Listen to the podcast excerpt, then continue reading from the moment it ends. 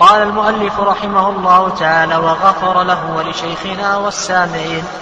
فإذا أراد الخروج من مكة لم يخرج حتى يطوف للوداع فإن أقام أو اتجر بعده أعاده وإن تركه غير حائض رجع إليه فإن شق أو لم يرجع فعليه دم وإن أخر طواف الزيارة فطافه عند الخروج أجزأ عن الوداع ويقف غير الحائض بين الركن والباب داعيا بما ورد وتقف الحائض ببابه وتدعو بالدعاء. ويستحب زيارة قبر قبر النبي صلى الله عليه وآله وسلم وقبري صاحبيه. وصفة العمرة أن يحرم بها من الميقات أو من أدنى الحل من مكي ونحوه لا من الحرم. فإذا طاف وسعى وقصر حل وتباح كل وقت. وتجزئ عن الفرض وأركان الحج الإحرام والوقوف وطواف الزيارة والسعي وواجباته الإحرام من الميقات المعتبر له والوقوف بعرفة إلى الغروب والمبيت لغير أهل السقاية والرعاية بمنى ومزدلفة إلى بعد نصف الليل والرمي والحلاق والوداع والباقي سنن. تكلمنا فيما سلف في الدرس السابق عن شيء من أحكام الرمي في أيام التشريق وذكرنا من هذه الأحكام ما يتعلق بوقت الرمي وأن وقت الرمي يبدأ من بعد الزوال على الصحيح من أقوال أهل العلم رحمهم الله تعالى وأنه يستمر إلى طلوع الفجر الثاني من اليوم الثاني عشر بالنسبة لليوم الحادي عشر وهكذا. وأيضا هل يصح جمع الرمي في يوم واحد أو لا يصح؟ ذكرنا أن الشافعية والحنابلة يرون أنه يصح للحاج أن يجمع الرمي في آخر يوم وأن الحنفية والمالكية يرون أن ذلك لا يصح وأنه يجب أن يرمي كل يوم بيومه. وذكرنا أن الصواب في هذه المسألة أنه يصح أن يجمع عند العذر سواء كان العذر عاما أو خاصا. كذلك أيضا تكلمنا عن حكم الترتيب بين جمرات الثلاث يعني رمي الجمرات الثلاث وأن أكثر أهل العلم يرون أن الترتيب شرط وأن الحنفية يرون أن الترتيب سنة. وكذلك أيضا ما يتعلق بالموالاة. وأن, وأن موالاة الرمي شرط من شروط صحة الرمي. كذلك أيضا ما يتعلق بكيفية الرمي. وذكرنا كيفية الرمي إذا أراد أن يرمي الجمرة الأولى وأراد أن يرمي الجمرة الوسطى ثم العقبة إلى آخره. وما ذكره الفقهاء رحمهم الله تعالى وما اعتمدوا عليه. وذكرنا أن الصواب أنه لم يرد شيء في في مكان الوقوف فيما يتعلق بكيفية الرمي في مكان الوقوف لم يرد شيء إلا فيما يتعلق بجمرة العقبة. هذا هو الذي ورد عن النبي صلى الله عليه وسلم. ثم بعد ذلك ذكرنا أيضا جملة من أحكام التعجل ومساء وجملة من مسائله ومتى ومتى يكون التعجل. وذكرنا أن التعجل عند جمهور أهل العلم يكون قبل غروب الشمس وأن هذا هو الوارد عن الصحابة رضي الله تعالى عنهم خلاف الحنفية الذين يرون أن التعجل يمتد إلى طلوع الفجر الثاني من اليوم الثالث. يعني من اليوم الثالث عشر. وكذلك أيضا ذكرنا فيما إذا غربت عليه الشمس وهو في سيره للخروج أو إذا غربت عليه الشمس وهو يشد رحله أو إذا غربت الشمس وهو يرمي الجمار. هل له نتعجل وليس له نتعجل وذكرنا أن هذه المسائل كلها يظهر والله أعلم أن له حق التعجل ومن أدرك ركعة من الصلاة فقد أدرك الصلاة. أما إن غربت عليه الشمس وهو لم يشرع في الرمي فالظاهر والله أعلم أنه ليس له أن يتعجل ولو كان في سيره إلى آه، المرمى. وكذلك أيضا ما يتعلق بالرجوع إلى منى وأنه لا بأس لو تعجل وخرج من منى ثم بعد ذلك بنية التعجل ثم بعد ذلك عاد إليها مرة أخرى لكي يبيت أو لكي يزور صديقا أو نحو ذلك أو لرحله فإن هذا جائز ولا بأس به. أيضا تكلمنا عن جملة من أحكام الطواف طواف الوداع وذكرنا من هذه الأحكام حكم طواف الوداع بالنسبة للحج هل هو واجب أو سنة؟ وذكرنا أن المشهور من مذهب الشافعي وأحمد أنه واجب وعند الحنفية والمالكية أنه سنة. وكذلك أيضا تكلمنا على مسألة أيضا من مسائل طواف الوداع. متى يبدأ طواف الوداع؟ متى يبدأ؟ ذكرنا أن أن جمهور أهل العلم أنه يبدأ من بعد الفراغ من أعمال الحج. وهذا هو الذي دلت له السنة كما حيث عائشة. رضي الله تعالى عنها فإن النبي صلى الله عليه وسلم لما انتهى من الرمي في اليوم الثالث عشر آه، أتى المحصن وبات به في تلك الليلة. ثم بعد ذلك لما كان من آخر الليل آذن بالرحيل. فطاف للوداع فأدركته صلاة الصبح فصلى الصبح ثم خرج إلى المدينة. هذا يدل على أن النبي صلى الله عليه وسلم جعل طواف الوداع بعد نهاية أعمال الحج خلافا لما ذهب إليه الحنفية رحمهم الله تعالى وأن طواف الوداع يبدأ من بعد طواف الإفاضة. وذكرنا أن هذا يعني فيه نظر وهو مخالف لما دلت عليه السنة. ثم قال المؤلف رحمه الله فإذا أراد الخروج من مكة لم يخرج حتى يطوف للوداع. كذلك أيضا من المسائل سبق أن أشرنا إليها في ما تقدم. المكي هل يجب عليه طواف الوداع أو لا يجب عليه طواف الوداع؟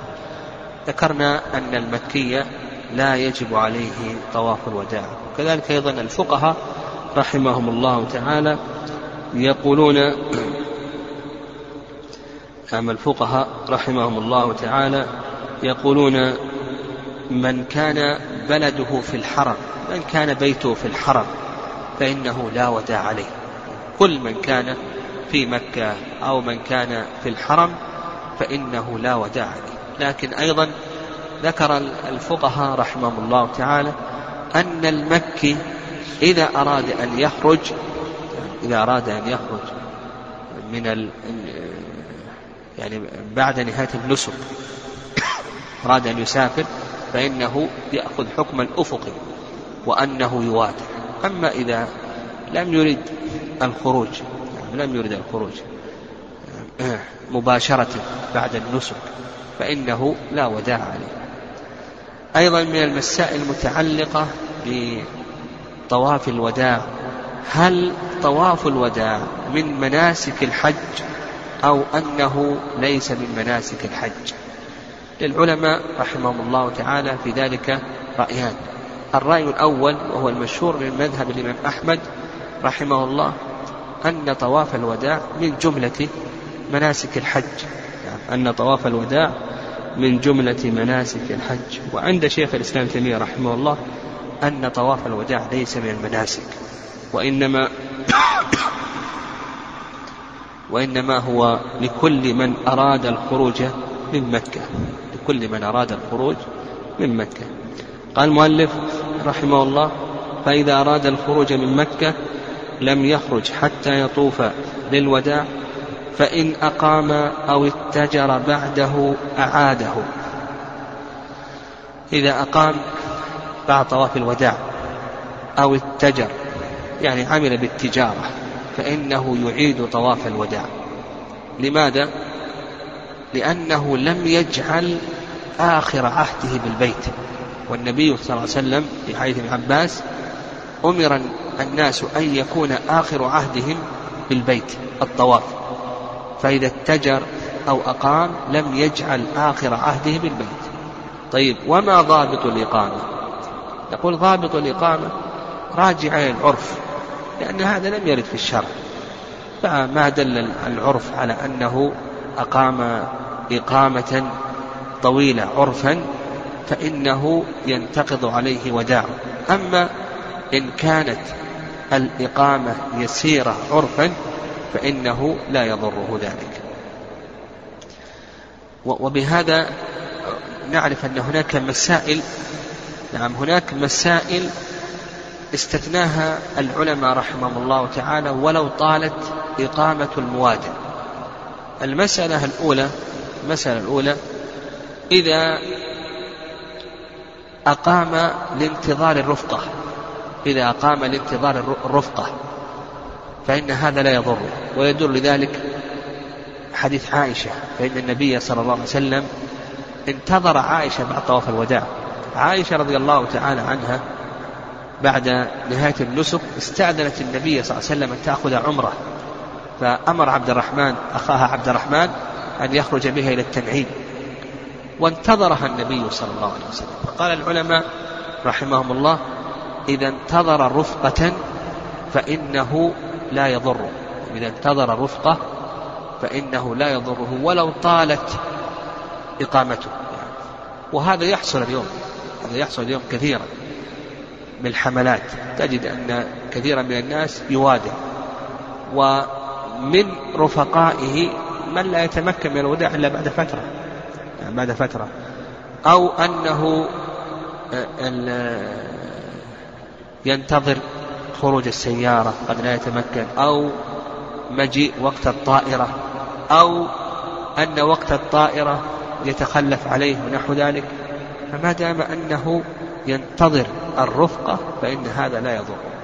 هذه المسألة الأولى. المسألة الثانية إذا اشتغل بأسباب السفر.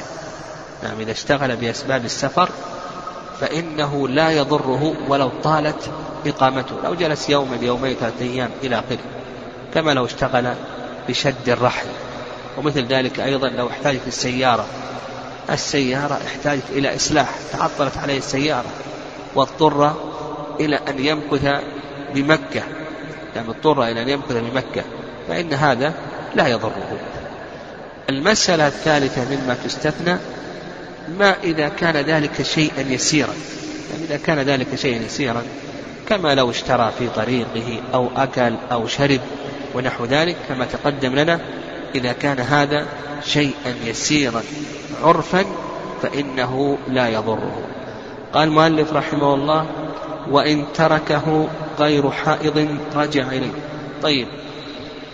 طواف الوداع إذا وادع يجب عليه أن يخرج من بنيان مكة فإذا خرج من بنيان مكة كفى حتى لو حتى لو أقام. ونام ونحو ذلك. المهم أنه يفارق بنيان مكة. قال المؤلف وإن تركه غير حائض رجع إليه. قوله غير حائض غير حائض يخرج الحائض لأن الحائض خفف عنها ومثلها النفس الحائض والنفس خفف عنهما في ترك الوداع لكن لو طهرت الحائض أو النفس قبل مفارقة بنيان مكة فإنه يجب عليهما أن يرجعا وأن يطوفا بالوداع. قال فإن شق أو لم يرجع أو لم يرجع فعليه دم. يعني لو أن الحاج خرج وهو لم يطف طواف الوداع. فقال لك المؤلف رحمه الله يلزمه دم. لماذا؟ لأنه ترك واجبا من واجبات الحج. لكن يجب عليه أن يرجع إلا في مسألتين يجب عليه دم. إن رجع سقط عنه الدم. إلا في مسألتين لا يجب عليه أن يرجع. إذا بلغ مسافة قصر خلاص ترتب عليه الدم حتى لو رجع. وحينئذ نقول لا فائدة من الرجوع. تركت الآن الواجب وجب عليك الدم. الحالة الثانية إذا شق عليه الرجوع. إذا شق عليه الرجوع يقول لك المؤلف لا يجب عليه أن يرجع ويلحقه دم. فإذا خرج الحاج وهو لم يوادر إن بلغ مسافة قصر ها ترتب عليه الدم ولا يجب أن يرجع. الحالة الثانية إذا لحقه بالرجوع مشقة لا يجب عليه أن يرجع لكن لو رجع سقط عنه الدم ما دام أنه ما بلغ مسافة قصر. والتحديد بمسافة قصر هذا لا دليل عليه.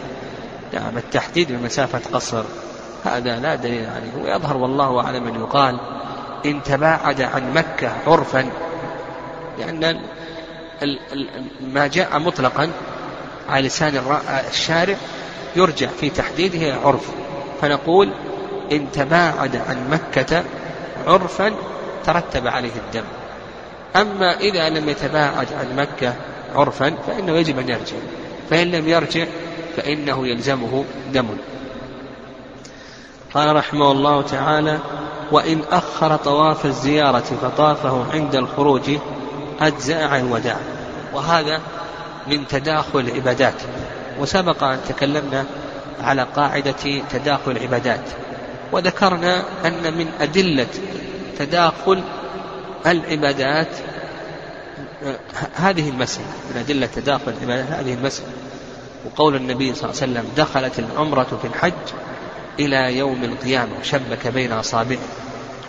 إذا أخر طواف الوداع وطافه عند الخروج فله ثلاث حالات. الحال الأولى أن ينوي بذلك طواف الإفاضة فهذا يجزئه عن طواف الوداع.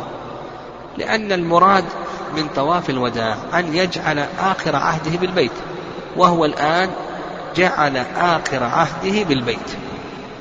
هذه الحالة الأولى. الحالة الأولى أن ينوي طواف الوداع الإفاضة. فإذا نوى طواف الإفاضة فإنه يجزئه عن طواف الوداع الحالة الثانية أن ينوي الطوافين طواف الإفاضة وطواف الوداع فكذلك أيضا يجزئ عنهما جميعا. الحالة الثالثة أن ينوي الوداع فلا يجزئه عن طواف الإفاضة. وإذا أخر طواف الإفاضة وفعله عند خروجه ثم سعى بعد ذلك فإنه لا يضره السعي. لأن السعي مع مع الطواف كالشيء الواحد فهو جعل آخر عهده بالبيت حكما. يعني جعل آخر عهده بالبيت حكما.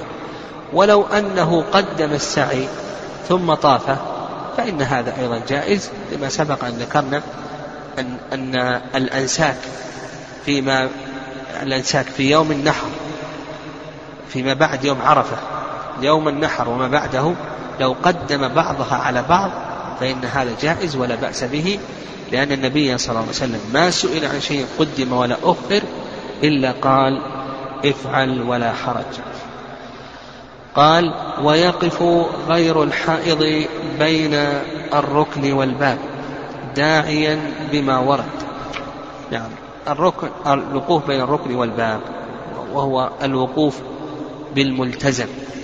والوقوف بالملتزم أولا ما هو الملتزم؟ يقول الملتزم هو ما بين الركن والباب. هذا هذا الملتزم كما جاء عن الصحابة بأسانيد صحيحة أن الملتزم هو ما بين الركن والباب. طيب يقول لك المؤلف رحمه الله داعيا بما ورد. ظاهر ظاهر كلام المؤلف رحمه الله أن الالتزام يكون متى؟ ها؟ بعد طواف الوداع. هذا ظاهر كلام المؤلف رحمه الله تعالى. وعند شيخ الإسلام تيمية رحمه الله يقول يجوز أن يفعل هذا الالتزام قبل طواف الوداع وبعد طواف الوداع.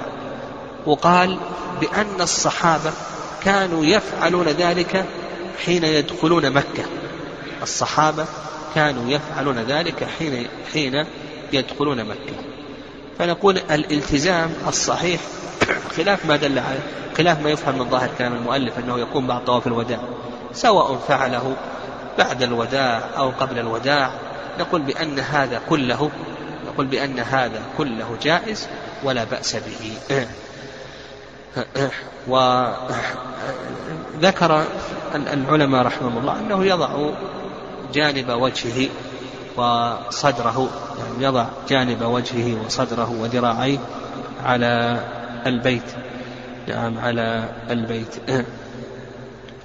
وقال المؤلف رحمه الله تعالى داعيا بما ورد. نعم. الوارد ذكره العلماء رحمه الله تعالى أن يقول اللهم هذا بيتك وأنا عبدك وابن عبدك وابن أمتك حملتني على ما سخرت لي من خلقك وسيرتني في بلدك حتى بلغتني بنعمتك إلى بيتك وأعنتني على أداء نسكي إلى آخره. هذا الذكر لم يثبت به شيء عن النبي صلى الله عليه وسلم ولا عن الصحابة رضي الله تعالى عنهم. نقول هذا الذكر الذي يذكره الفقهاء رحمهم الله تعالى لم يثبت به شيء عن النبي صلى الله عليه وسلم ولا عن الصحابة رضي الله تعالى عنهم. وعلى هذا نقول بأنه يلتزم كما فعله الصحابة رضي الله تعالى عنهم ويدعو بما أحب من خير الدنيا والآخرة. قال وتقف الحائض ببابه وتدعو بالدعاء.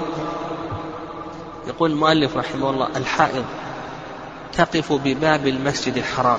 لأن الحائض ممنوعة من دخول المسجد وتدعو بالدعاء الذي سبق يعني الذي سبق. ووقوف الحائض بالمسجد هذا لا, لا دليل عليه بل أنكره ابن عباس. يعني ابن عباس رضي الله تعالى عنهما أنكر أن يقف الإنسان بالباب أن يقوم مستقبل البيت وأن يقف بالباب. وأن يدعو وقال بأن هذا يشبه فعل اليهود. هذا ثابت عن ابن عباس بإسناد حسن. وأيضا صفية رضي الله تعالى عنها كما في حديث عائشة رضي الله تعالى حاضت. قال النبي صلى الله عليه وسلم أحابستنا هي قالوا يا رسول الله إنها أفاضت. قال فلتنفر إذا وما أرشدها النبي صلى الله عليه وسلم أن تقف بالباب وأن تدعو بهذا الدعاء. فالصواب في ذلك أن هذا غير مشروع. بل كما ذكرنا أن ابن عباس رضي الله تعالى عنهما أنكر أن يقوم بالباب وأن يستقبل البيت وأن يدعو وقال بأن هذا يشبه فعل اليهود. قال وتستحب زيارة قبر النبي صلى الله عليه وسلم وقبر صاحبيه. نعم هكذا قال المؤلف رحمه الله تستحب زيارة قبر النبي صلى الله عليه وسلم وقبر وقبر صاحبيه. وهذا التعبير فيه نظر. نعم هذا التعبير فيه نظر. الصواب أن يقول المؤلف وتستحب زيارة المسجد النبوي. ولمن زار المسجد النبوي يستحب له أن يزور قبر النبي صلى الله عليه وسلم وقبر صاحبيه. لأن قوله وتستحب زيارة قبر النبي صلى الله عليه وسلم وقبر, وقبر صاحبه يترتب على ذلك ماذا؟ شد الرحل للبقعة. وليس هناك رحل يشد لبقعة من البقاع يعني لذات البقعة لذات البقعة إلا ثلاثة بقاع. المسجد الحرام المسجد النبوي والمسجد الأقصى. ما عدا هذا ليس هناك بقعة تشد لها الرحل. فهذا التعبير هذا فيه نظر. وأيضا نفهم أيضا مسألة أخرى. أن زيارة المسجد النبوي ليست في النسك. يعني ليست من, من الأنساك. حتى المسجد النبوي زيارة المسجد النبوي هذا ليست من الأنساك. لكن العلماء رحمهم الله تعالى يذكرون مثل هذه المسائل. لماذا؟ لأن الناس يأتون من أماكن بعيدة كان في الزمن السابق يأتون من أماكن بعيدة يأتون من المشرق ومن المغرب. وإذا جاءوا من تلك الأماكن يأتي مرة واحدة خلاص ما يرجع إلى أن يموت. قد لا يتمكن. فيقول لك يستحب له أن يزور. إذا زار إذا انتهى من المناسك يستحب له أن يزور المسجد النبوي وأن يزور قبر النبي صلى الله عليه وسلم وقبر صاحبيه إلى آخره. ونظير ذلك قولهم في صفة الإفراد. يقولون في صفة الإفراد هو أن يحرم بالحج ثم يأتي بالعمرة بعده. قولهم ثم يأتي بالعمرة بعده. وهذا ليس قيدا في الإفراد. هذا ليس قيدا وليس شرطا في الإفراد. الإفراد أن يهل بالحج فقط. فقط. هذا الإفراد. أما كونه يأتي بالعمرة بعد ذلك فهذا ليس قيدا ليس قيدا في الإفراد. وإنما يذكره الفقهاء رحمهم الله تعالى. لماذا يذكرونه؟ يذكرونه لأن الناس كما ذكرنا يأتون من أماكن بعيدة. فيقول لك المؤلف هذا الذي حج مفردا بقي عليه واجب آخر وهو العمرة ولن يرجع. فإذا انتهى من الحج يذهب إلى الحل ويحرم بالعمرة. قال وتستحب زيارة قبر قبر النبي صلى الله عليه وسلم وقبر صاحبيه نعم. قال وصفة العمرة أن يحرم بها من الميقات. نعم. وتستحب زيارة قبر النبي صلى الله عليه وسلم. كما ذكرنا الأحسن أن تكون عبارة المؤلف أن يقول تستحب زيارة المسجد الحرام. ولمن زار المسجد الحرام يستحب له أن يزور قبر النبي صلى الله عليه وسلم وقبر صاحبه. هذا هو السنة.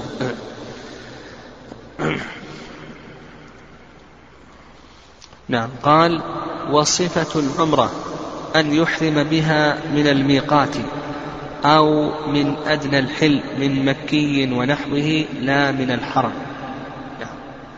صفة العمرة أن يحرم بها من الميقات إذا كان مارا بالميقات وإن كان مكيا أو آفاقيا أخذ نسكا وتحلل فإنه يحرم بها من الحلم. إن, إن مر بالميقات فإنه يحرم من الميقات.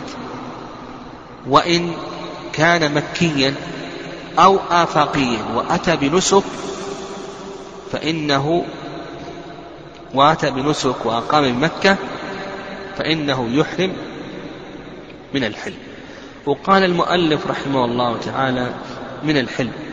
سواء كان الحل هو التنعيم أو عرفات أو الجعرانة أو غير ذلك المهم أنه يخرج إلى الحلم لكن ما هو الأفضل؟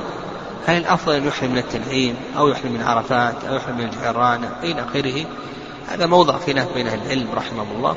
والصواب في هذه المسألة أن مريد العمرة يفعل ما تيسر له ما كان أيسر له. ما كان أيسر له. قد يكون الأيسر له عرفات لكونه قريبا منها. نقول أحرم أحرم من عرفة. قد يكون الأيسر له التنعيم لكونه قريبا. نقول أحرم من التنعيم. وقوله لا من الحرم سبقا تكلمنا على هذه المسألة. وذكرنا أن المكي يحرم من أي شيء. بالنسبة للعمرة يحرم من الحلم. و وهذا وهذا ما عليه جمهور أهل العلم رحمه الله. والرأي الثاني نعم نعم قول البخاري رحمه الله أنه يحرم مكة إلى آخره. تكلمنا عليه. قال المؤلف رحمه الله فإذا طاف وسعى وقصر حل. يعني أتى بالعمرة. العمرة الطواف والسعي والتقصير هذه أفعال العمرة. فإذا طاف وسعى وقصر حل. قال وتباح كل وقت. العمرة تباح في جميع السنة. حتى ذكر العلماء رحمهم الله. يعني إيه، لكن وش يستثنى من ذلك؟ يستثنى من ذلك يعني إيه،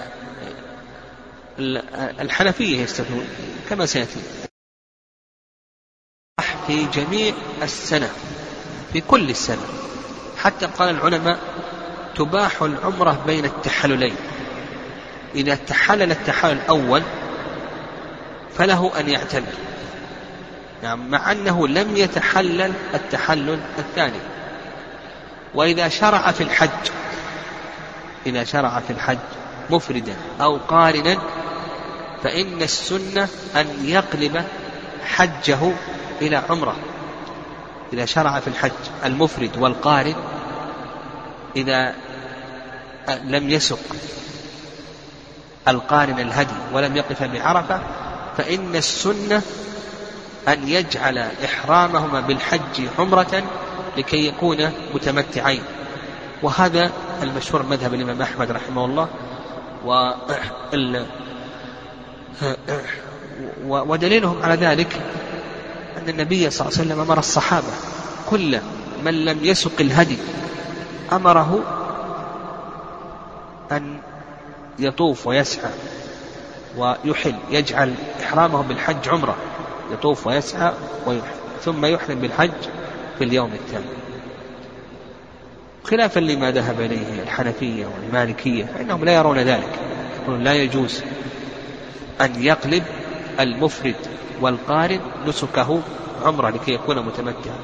يقابل ذلك الظاهرية وابن عباس. الظاهرية وابن عباس يرون أن القلب حكمه ماذا؟ واجب.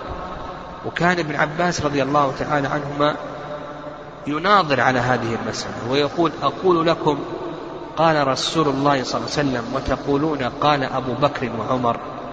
يعني يرى أنه إذا طاف وسعى حل.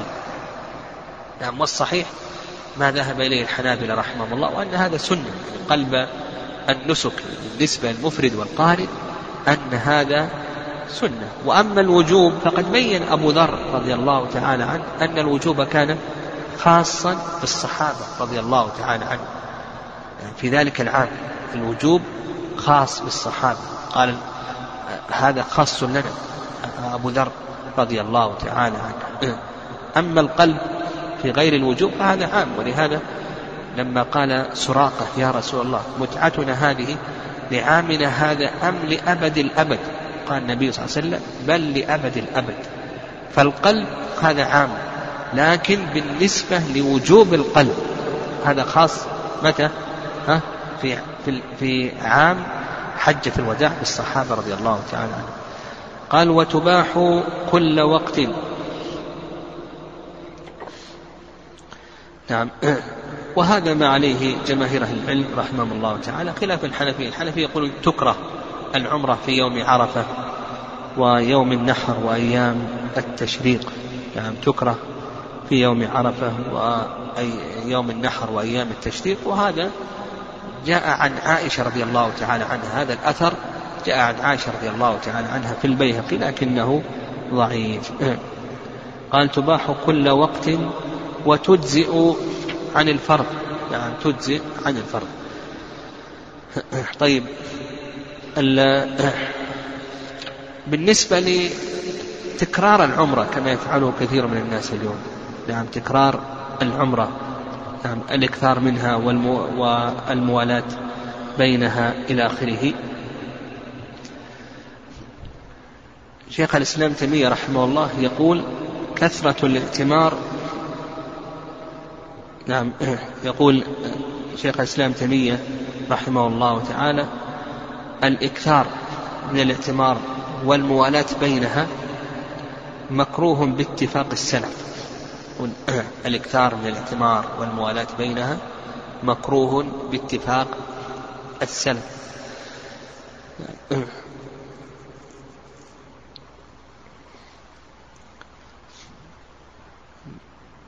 و نعم. و وأنت إذا تأملت سنة النبي صلى الله عليه وسلم تجد أن النبي صلى الله عليه وسلم لم يأخذ إلا نسكا واحدا يعني في حجة الوداع كان النبي صلى الله عليه وسلم قارنا أتى بنسكين لكن أعمال العمرة دخلت في أعمال الحج ما عدا ذلك ما كان النبي صلى الله عليه وسلم يكرر العمرة. النبي صلى الله عليه وسلم ما كان يكرر العمرة. لكن لو كرر العمرة يعني لو أخذ عمرة ثانية فهذا يعني من خلال الأدلة نقول فيه تفصيل. إن كانت عمرة واحدة فيظهر أن هذا جائز أن هذا جائز لكنه غير مشروع. جائز لماذا؟ لأن النبي صلى الله عليه وسلم أذن لعائشة. عائشة رضي الله تعالى عنها اعتمرت. وحجت كانت قارنة. واستأذنت النبي صلى الله عليه وسلم أن تأخذ عمرة. فأذن لها النبي صلى الله عليه وسلم وأخذت عمرة. فنقول كونه يأخذ عمرة ثانية نقول بأن هذا جائز لكنه غير مشروع. لماذا غير مشروع؟ لأن النبي صلى الله عليه وسلم ما فعله لكنه أذن في ذلك. المسألة الثانية ما عدا ذلك؟ يعني كونه يأخذ عمرتين ثلاث عمر أربع عمر إلى آخره. فهذا نقول بأنه خلاف هدي النبي صلى الله عليه وسلم والفقهاء يصرحون بأنه مكروه يعني بأن هذا مكروه. والضابط في ذلك يعني الضابط في ذلك أن يحمم رأس رأسه يعني أن يكثر الشعر بحيث يتمكن من حلقه مرة أخرى. فإذا حمم الرأس يعني أصبح اسود رأسه بحيث يكون له شعر يحلق في العمرة الثانية نقول حينئذ يشرع له أن يأخذ العمرة مرة أخرى. كما ورد عن أنس بن مالك رضي الله تعالى عنه. هذا الخلاصة في هذه المسألة. قال وتجزئ عن الفرض. يعني العمرة التي يأخذها من التنعيم أو عمرة القارن نقول بأنها مجزئة عن الفرض. قال المؤلف رحمه الله وأركان الحج الإحرام والوقوف وطواف الزيارة. يعني الإحرام هذا ركن بالاتفاق اتفاق الأئمة. الأئمة يتفقون على أن الإحرام الذي هو نية الدخول في النسك أنه فرض من فروض الحج. طواف الزيارة الأئمة يتفقون على أنه فرض من فروض الحج. الوقوف بعرفة. أيضا الأئمة يتفقون على أنه فرض من فروض الحج. فهذه الثلاثة الأركان يتفق عليها الأئمة وأدلتها ظاهرة. أما الإحرام ف حديث عائشة رضي الله تعالى عنها أهل الرسول صلى الله عليه وسلم بالحج خرجنا مع الرسول صلى الله عليه وسلم فمنا من أهل بحج ومنا من أهل بعمرة ومنا من أهل بحج وعمرة. وحديث إنما الأعمال بالنيات إلى آخره. والطواف قول الله عز وجل وليطوفوا بالبيت العتيق إلى آخره والأدلة كثيرة من السنة سلفت والوقوف بعرفة قول الله عز وجل قول النبي صلى الله عليه وسلم في حديث عبد الرحمن بن يعمر الديني الحج عرفة قال والسعي. أما السعي فهذا موضع خلاف بين أهل العلم رحمهم الله. هل هو ركن أو ليس ركنا؟ أو أنه سنة؟ عند جمهور عند جمهور العلماء أنه ركن من أركان الحج. عند جمهور العلماء أنه ركن من أركان الحج. وعند الحنفية رحمهم الله تعالى أنه واجب. يعني عند الحنفية رحمه الله تعالى أنه واجب. إن ترك أربعة أشواط عليه دم. ترك أقل من أربعة أشواط عليه نصف الصاع لكل شوط. الحنفية يقولون بأنه واجب. إن ترك أربعة أشواط فما فوق عليه ماذا؟ دم. إن ترك شوطا شوطين ثلاثة عليه لكل شوط نصف صاع والرأي الثالث نعم أنه سنة نعم أنه سنة كما قال به ابن سيرين روي عن ابن مسعود وابن الزبير وأبي بن كعب رضي الله تعالى عن الجميع. الجمهور استدلوا بأدلة منها ما يروى عن النبي صلى الله عليه وسلم أنه قال اسعوا فإن الله كتب عليكم السعي لكن هذا الحديث فيه كلام رواه الإمام أحمد رحمه الله وفيه كلام كثير لأهل العلم رحمهم الله تعالى. حديث صفية بنت شيبة عن حبيبة بنت أبي تجراه العبدرية. اسعوا فإن الله كتب عليكم السعي. يعني وهذا الحديث فيه كلام. يعني لا يثبت لا يثبت عن النبي صلى الله عليه وسلم. ومن الأدلة على ما ذهب إليه جمهور أهل العلم قول عائشة فلعمري ما أتم الله حج من لم يطف بين الصفا والمروة. فلعمري ما أتم الله حج من لم يطف بين الصفا والمروة. رواه مسلم في صحيح وأيضا حيث لموسى لما قدم على النبي صلى الله عليه وسلم وقال أهللت بإهلال كإهلال رسول الله صلى الله عليه وسلم. قال أحسنت. طف بالبيت وبالصفا والمروة. قال طف بالبيت وبالصفا والمروة. والحديث في الصحيحين. هذا أمر والأمر يقتضي الوجوب. وقال أيضا النبي صلى الله عليه وسلم لعائشة طوافك بالبيت وبين الصفا والمروة يجزئ عنك يجزئ عن حجك وعمرتك. طوافك بالبيت وبين الصفا والمروة يجزئ عن حجك وعمرتك. فقال يجزئ علق على الإجزاء. نعم علق على الإجزاء. وأما بالنسبة للحنفية فيقولون بأن هذا فعل مجرد فعل. ما يقتضي الوجوب ما يقتضي الركنية لكنه يقتضي ماذا؟ الوجوب. يعني هذه الأدلة التي يذكرها الجمهور يحملونها على الوجوب لا على الفرضية. وأيضا يعني أنت تلاحظ أن السعي أخف من أي شيء. أخف من الطواف. نعم السعي أخف من الطواف. ولهذا السعي لا يشترط له رفع الحدث ولا يشترط له ستر العورة ولا يشترط له زوال الخبث إلى آخره. فالسعي أمره أخف من الطواف. ولهذا كما ذكرنا عن جمع من السلف أنهم يرون أن السعي ماذا؟ سنة. لقول الله عز وجل فمن حج البيت واعتمر فلا جناح عليه أن يطوف بهم بهما. ونفي الجناح يدل على عدم الوجوب. يعني نفي الجناح يدل على عدم الوجوب. لكن هذه الآية آه، آه، يعني آه، سبب نزولها. إذا عرفنا سبب النزول يتبين أو تتبين الإجابة على الاستدلال بهذه الآية. وأن سبب النزول أنها نزلت في في الأنصار في الأنصار رضي الله تعالى عنهم الأنصار كانوا يهلون في الجاهلية لمنات يعني يهلون الجاهلية لمنات فإذا أهلوا لمنات لا يحل لهم أن يطوفوا بين الصفا والمروة. يعني فأبطل الله عز وجل هذه العقيدة. قال فلا جناح عليه أن يطوف بهما. والأظهر والله أعلم الأحوط كما سلف ذكرنا. يعني الحنفية وإن كان قولهم له قوة كما ذكرنا أن أمر السعي أخف من أمر الطواف. لكن مع ذلك نقول المسلم يحتاط لدين ويسعى.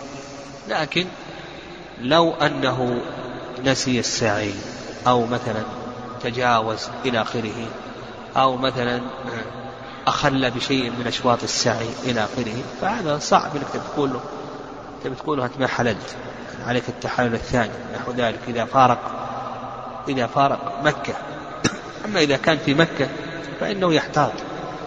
لكن يفرق بين مسألة ما إذا لم يقع الشيء وبين مسألة ما إذا وقع. فإذا كان إنسان في السعة فإنه يحتاط لدينه. أما إذا لم يكن في سعة نسي. أو ترك شيئا نسيانا ونحو ذلك وغادر إلى آخره. قد يكون ذهب إلى الشرق أو ذهب إلى الغرب إلى آخره. كيف؟ يعني إما أن نقول ارجع ما يتمكن من الرجع ولا وش يكون؟ ها؟ طيب يبي يبتل المحرم. إما أن نقول له ارجع وهذا صعب. ها؟ لا. يعني إذا أخذنا برأي الجمهور إذا أخذنا برأي الجمهور بيقول له ارجع. قال يا ناس ما أقدر أرجع. خلاص. الحين وصل للمغرب ولا المشرق. ما يقدر. نقول تكون محصر وتذبح دم. وحينئذ وش يكون؟ حج ولا ما حج؟ ما حج. يكون محصر ويذبح دم لأنه إذا ما تمكن من الرجوع هو لن يظل طول عمره ما تحل. فنقول له أنت الآن تكون محصر وتذبح دم وتحلق ما حجيت لأنك فوتت ركن من أركان الحج. هذا صعب. هذا صعب. ونظير ذلك يعني ما, ما ذكره شيخ الإسلام تيمية رحمه الله ابن القيم في طواف الحائض. الحائض إذا حاضت قبل أن تطوف للإفاضة. إما أن نقول أنها تتلجم إذا إذا كانت جاءت من المشرق أو المغرب إلى آخره إما أن تذهب وهي محرمة وهذا صعب. وإلا أنها تتلجم وتطوف أو نقول بأنها ماذا؟ أنها تكون محصرة وتذبح دم وتقصر وحينئذ ما تكون حجت. وهذا أيضا صعب. ولهذا أفتى شيخ الإسلام تيمية رحمه الله الذين يأتون من أماكن بعيدة يعني يأتون من أماكن بعيدة. من المشرق كالهند والباكستان ونحو ذلك أو من المغرب ونحو ذلك. أفتاهم شيخ الإسلام تيمية رحمه الله أن الحائض أنها تتلح تتحفظ وتطوف تنفر. يعني إذا لم ترخص لها ذلك أن ترخص إما تحبس الرفقة وهذا صعب أو تذهب إلى تزال محرمة أو أنها تكون محصنة. نعم. قال المؤلف رحمه الله تعالى وواجباته الإحرام من الميقات المعتبر له. واجبات الحج الواجب الأول الإحرام من الميقات ويدل لذلك حيث ابن عمر رضي الله تعالى عنهما قال فرض رسول الله صلى الله عليه وسلم لأهل المدينة ذا الحليفة ولأهل نجد قرن المنازل فقال فرض. والفرض يدل على ماذا؟ يدل على الوجوب. وأيضا قول النبي صلى الله عليه وسلم في حديث ابن عباس يهل أهل المدينة من ذي الحليفة. وهذا خبر بمعنى الأمر يعني ليهل. قال والوقوف بعرفة إلى الغروب. تقدم الكلام عليه. ذكرنا بأن هذا واجب. من وقف نهارا يجب عليه أن يجمع بين الليل والنهار في وقوفه. يعني يجب عليه أن يجمع. ويدل لذلك النبي صلى الله عليه وسلم لم يرخص النبي عليه الصلاة والسلام لم يرخص للضعف في النفر بل وقف حتى غربت الشمس واستحكم غروبها. وأيضا النبي صلى الله عليه وسلم ما خير بين أمرين إلا اختار أيسرهما ما لم يكن إثما. ولا شك أن الأيسر أن يدفع في أي شيء في ضوء النهار. ما ينتظر غروب الشمس. قال والمبيت لغير أهل السقاية والرعاية بمنى. يعني البيت بمنى واجب تقدم ذلك وهذا رأي أن هذا رأي الجمهور. ودليلهم على ذلك أن النبي صلى الله عليه وسلم رخص والرخصة يقابلها عزيمة رخص للسقاة والرعاة وأيضا وارد الآثار الواردة عن عمر بن عمر رضي الله تعالى عنه ومزدلفة واجب وذي حيث عروة بن مضرس كما سلف لنا إلى بعد نصف الليل. والرمي باتفاق الأئمة. نعم باتفاق الأئمة. الرمي أنه واجب من واجبات الحج. ويدل على وجوب الرمي أيضا أن الرمي آه، لا بد منه في التحلل. يعني لا بد هذا يدل على وجوبه. التحلل يتعلق بالرمي. يعني يتعلق بالرمي. وهذا مما يدل على على وجوب الرمي. قال والحلاق. لأمر النبي صلى الله عليه وسلم به. النبي صلى الله عليه وسلم أمر الصحابة بالحلق. يعني والأمر يقتضي الوجوب. كل من لم يسق الهدي أمره النبي صلى الله عليه وسلم أن يطوف ويسعى وأن يقصر. وأيضا قال الله عز وجل محلقين رؤوسكم ومقصرين قال والوداع تكلمنا عليه قريبا. قال والباقي سنن قال وأركان العمرة إحرام وطواف وسعي الإحرام والطواف والسعي تقدمت الأدلة عليها وذكرنا خلاف أهل العلم رحمهم الله تعالى في السعي هل هو ركن أو ليس ركنا إلى آخره. قال وواجباتها الحلاق والإحرام من ميقاتها. الحلاق تقدم الكلام عليه ذكرنا دليله والإحرام من الميقات أيضا ذكرنا الدعاء ذلك. وظاهر كلام الم... ظاهر وظاهر كلام المؤلف رحمه الله تعالى أن طواف الوداع ليس من واجبات العمرة. ظاهر كلام المؤلف رحمه الله تعالى أن طواف الوداع ليس من واجبات العمرة. يعني ماذا قال؟ قال الواجبات الحلاق والإحرام. الحلاق والإحرام. ما ذكر؟ السعي. وهذا قول جمهور العلماء وعلى هذا يكون طواف وعلى هذا يكون طواف الوداع سنة عند جمهور العلماء بالنسبة للعمرة. والرأي الثاني رأي الشافعية أن طواف الوداع واجب وفي قال ابن حزم ولكل منهم دليل نعم لكل منهم دليل. أما الجمهور الذين قالوا بأنه آه، واجب بأنه ليس واجبا قالوا بأن النبي صلى الله عليه وسلم لم ينقل عنه لم ينقل عن النبي صلى الله عليه وسلم أنه طاف الوداع. لم ينقل. بل في قصة عائشة رضي الله تعالى عنها لما أذن أهل النبي صلى الله عليه وسلم تأخذ عمرة بعده طافت وسعت وخرجت. وكذلك أيضا في فعل النبي صلى الله عليه وسلم في الجعرانة طاف وسعى ثم خرج. يعني طاف وسعى ثم خرج. الصحابة رضي الله تعالى عنهم أيضا نعم خرجوا إلى منى من مكة والتحالوا من العمرة. ما طافوا الوداع.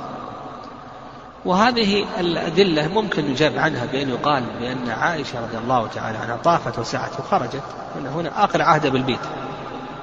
الإنسان إذا طاف وسعى ثم خرج مباشرة ما يجب عليه طواف الوداع لأنه جعل آخر عهده بالبيت. لكن المقصود هنا إذا أقام. والجمهور الرأي الثاني كما قلنا رأي من؟ الشافعي وابن حزم. يستدلون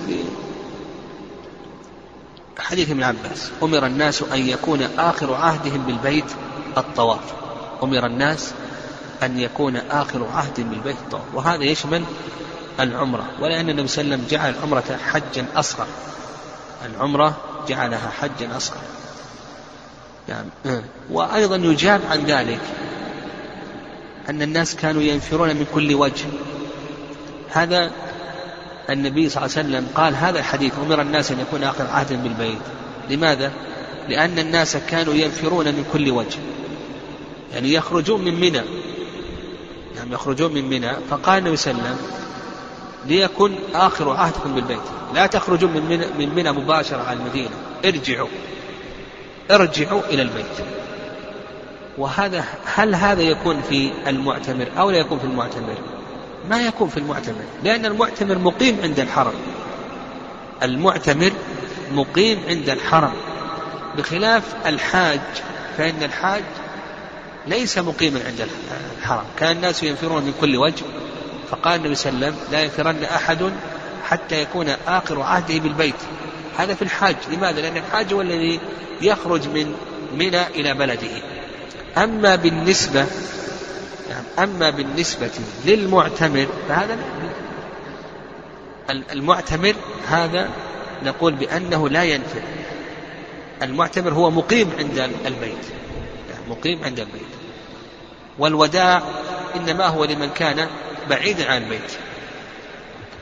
يظهر والله أعلم أن ما ذهب إليه جمهور أهل العلم رحمهم الله تعالى أنه هو الأقرب في هذه المسألة وأن طواف العمرة طواف الوداع العمرة أنه ليس واجبا.